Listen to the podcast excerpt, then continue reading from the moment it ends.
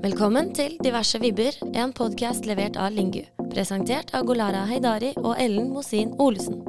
Vi skal snakke om innovasjon, vekst og det nye arbeidslivet, og hvordan mangfold bidrar til nettopp innovasjon og vekst. Og dagens gjest det er Ren Jenny Lindgren. Hei. Hei, velkommen til oss. Tusen takk. Dette har vi gledet oss til. Og vi har gledet oss så mye at vi bare går rett på sak. Ren, fortell litt om deg. Jeg eh, heter Ren og kommer fra USA. Eh, men jeg har bodd en god del i utlandet, spesielt de siste 15 årene har jeg tilbrakt eh, i Norge og i Japan. Jeg jobber som forsker. Jeg er veldig engasjert og opptatt av internasjonal politikk. Og jeg er spesielt interessert i det som skjer i Øst-Asia. For du jobber i NUPI. Riktig, jeg jobber på et sted som heter Norsk utenrikspolitisk institutt, og det er en fremgående forskningsinstitutt innen internasjonal politikk i Norge. Ellen og jeg vi er jo opptatt av det flerspråklige. Hvilke språk snakker du? Jeg er engelsk som morsmål mitt, og så har jeg lært meg eh, fransk, japansk og norsk. Jeg studerte jap eh, japansk og fransk eh, på universitet, men også bodde der som utvekslingsstudent.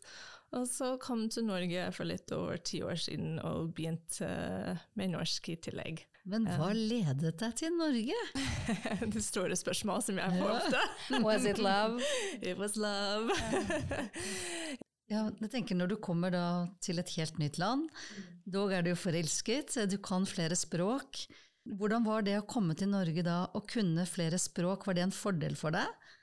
I forhold til alt det du har med deg av kultur og perspektiver?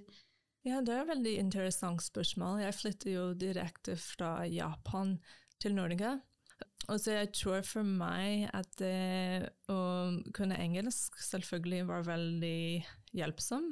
Kulturelt så er det veldig annerledes, selvfølgelig. Men jeg tenker da, når du kommer til et nytt land med så, mange, altså så mye språkferdigheter, hvordan var det å komme inn i norsk arbeidsmarked? Ja, det var faktisk veldig vanskelig for meg. Um, jeg kom hit som nyutdannet, nyutdannet masterstudent, hadde litt jobberfaring som praktikant i Japan, og tenkte jeg skulle begynne å søke jobb med en gang og få en jobb og komme i arbeidsmarkedet. Men sånn gikk det ikke. Uh, det var vanskelig først og fremst å finne en stilling hvor de ikke krevde norsk. Så det var klart at mange av de um, stillingene som jeg var interessert i og tenkte som skulle passe min utdanning, krevde norsk kompetanse. Og det hadde jeg ikke på en uh, ja, profesjonelt nivå på det tidspunktet. Så jeg skjønte ganske tidlig at jeg måtte finne en måte å jobbe med norsken min, jobbe den opp til å, å være god nok til å klare meg i arbeidsmarkedet og videre i arbeidslivet, og så videre i livet i Norge. Um, så ja, det var en krevende prosess, men jeg begynte med å ta sånn intensivt kurs og, og skape meg norske venner og finne måter å bruke norsk på i mitt hverdag, selv om jeg jobbet mest med Japan og japansk.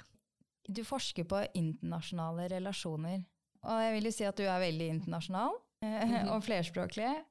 Hvordan bruker du nettopp det eh, i den jobben du er i i dag? I jobben min i dag så bruker jeg um, mest norsk, japansk og engelsk. Jeg har jo også jobbet litt uh, Japan uh, på FN sitt forskningsinstitutt, og da var fransk faktisk veldig viktig.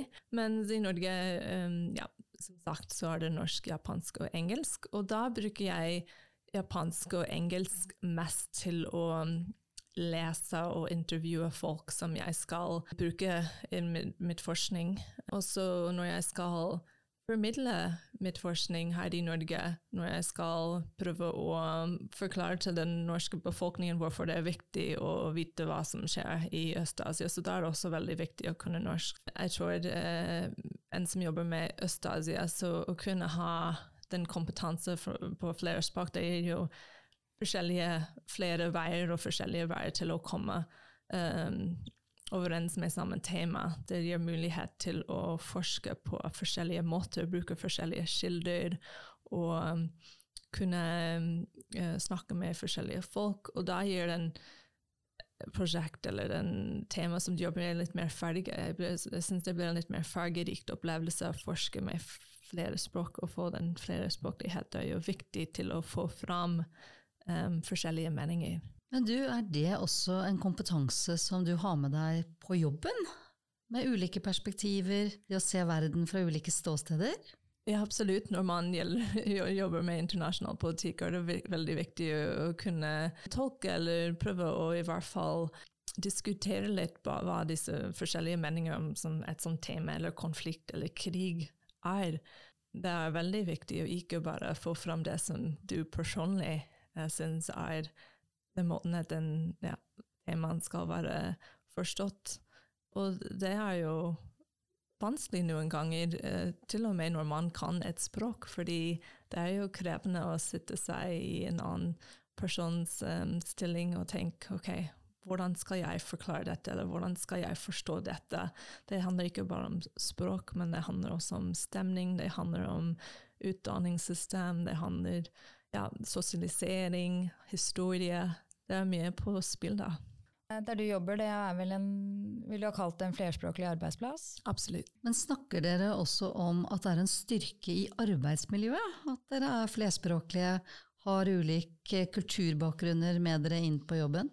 Jeg tror noen ganger så er det nesten for gitt, på en måte. Ja. Det er så mange som har bodd eh, mange år i utlandet og jobbet med språk siden vi var ganske ung, og har mange års erfaring med en andre språk, så jeg personlig opplever at å kunne flere språk gir selvfølgelig muligheter og tilgang til flere mm, kilder, men um, det også gir mulighet til å tolke på forskjellige måter. Det med å kunne flere språk handler ikke bare om å kunne flere ord eller sånn grammatikk, men det, det, det handler noe om å, å kunne forestille seg til flere perspektiver.